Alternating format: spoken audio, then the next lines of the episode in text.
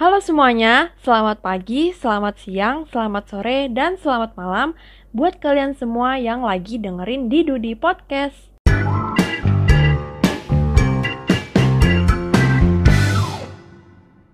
Kalian gimana kabar ya? Semoga kalian semua senantiasa dalam lindungan Tuhan Yang Maha Esa ya. Oke, perkenalkan nama aku Nayara Rahadini. Di episode kali ini aku mau menjelaskan tentang vaksin, tapi lebih banyak cerita pengalaman pas vaksin sih. Sebelumnya aku mau tanya dulu, kalian semua udah pada vaksin belum nih? Kalau aku sendiri, udah dong. Aku udah dapat dosis 1 dan 2. Saran aku sih kalian cepet-cepet vaksin ya, karena sekarang vaksin tuh penting banget. Contohnya nih kayak mau ke mall aja harus nunjukin sertifikat vaksin. Kalau belum vaksin, harus nunjukin hasil negatif swab antigen. Waduh, ribet banget kan? Tapi sekarang kan lagi PPKM juga ya. Jadi mending di rumah aja nggak usah kumpul-kumpul di tempat-tempat rame. Oke, kita masuk ke topik utama yaitu vaksin.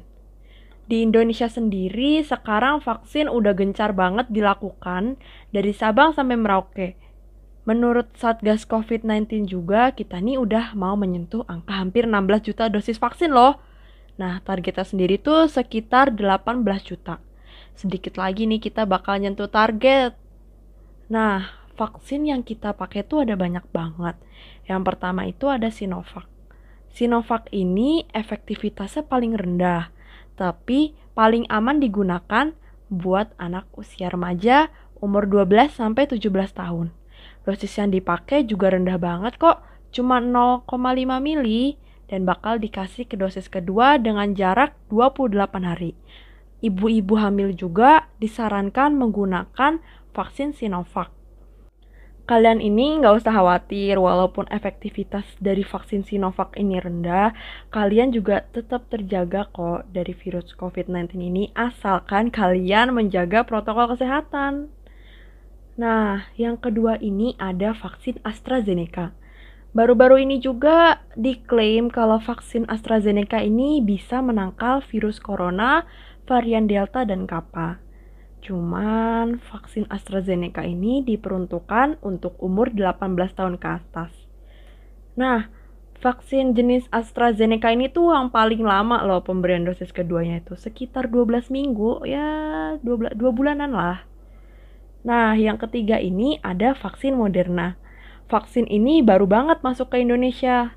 Vaksin Moderna ini diklaim bisa menangkal virus corona jenis Delta, Kappa, dan Gamma. Ya kayak di atasnya dari AstraZeneca. Cuma nih, vaksin Moderna ini baru dihususkan buat pasien komorbid dan juga nakes untuk vaksinasi ketiga mereka sebagai booster. Karena nakes sendiri menjadi salah satu garda terdepan untuk menangani pandemi COVID-19. Nah, yang keempat ini cukup banyak diminati oleh banyak kalangan yaitu vaksin Pfizer. Karena efektivitasnya ini tuh lumayan tinggi dari semua vaksin. Vaksin Pfizer ini boleh loh digunakan untuk remaja umur 12 sampai 17 tahun. Vaksin jenis Pfizer ini juga diklaim bisa menangkal virus corona varian Delta. Nah, jenis vaksinnya banyak banget kan. Mungkin kalau buat remaja baru tersedia Sinovac dan Pfizer.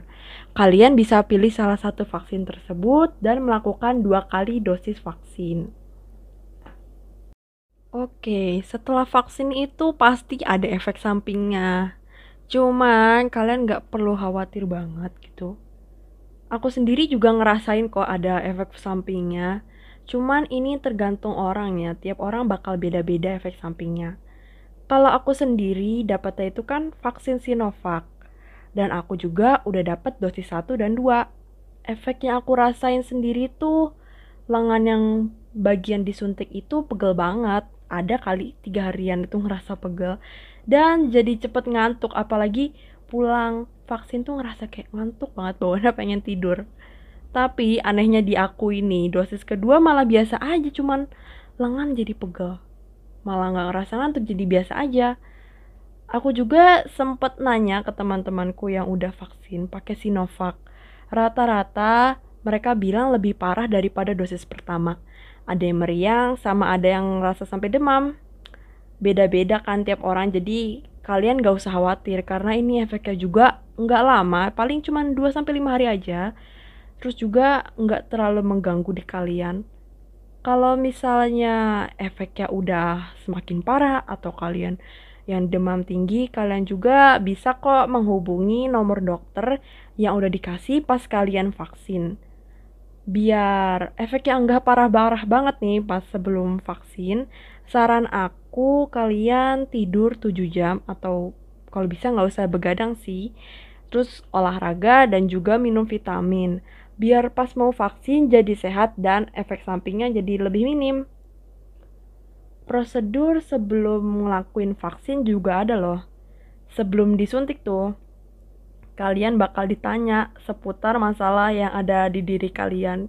Kayak punya penyakit bawaan apa enggak, atau posisi sedang hamil atau enggak, terus selama sebulan terakhir pernah kena covid apa enggak, Nah, kalian pas screening tadi itu usahakan jawab jujur dan jangan bohong. Kalau misalnya kalian bohong, nanti malah rugi di kalian juga. Pokoknya harus jawab jujur dan sesuai apa yang kalian rasakan. Proses vaksin juga menurutku cepet banget dan teratur. Aku di sana tuh diminta buat jaga jarak dan cuci tangan. Jadinya ngerasa aman deh biasanya kita bakal dijadwalin buat vaksin kedua.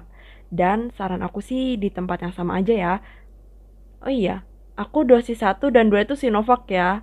Kita gak bisa tuh pilih jenis vaksin yang beda dari dosis 1 dan 2. Kayak misalnya nih, dosis 1 dapatnya Sinovac, terus dosis 2 aku maunya AstraZeneca. Kayak gitu kita nggak bisa, kita harus dengan jenis vaksin yang sama. Saran aku lagi nih, kalian kalau bisa vaksin secepatnya deh, biar kita tetap sehat dan terhindar dari paparan virus corona. Mungkin segitu aja kali ya aku bahas tentang vaksin. Kalian juga jangan lupa jaga kesehatan dan tetap jaga protokol kesehatan, pakai masker, cuci tangan, menjaga jarak, dan mengurangi mobilitas agar terhindar dari paparan virus corona. Oke? Sampai berjumpa lagi di episode berikutnya.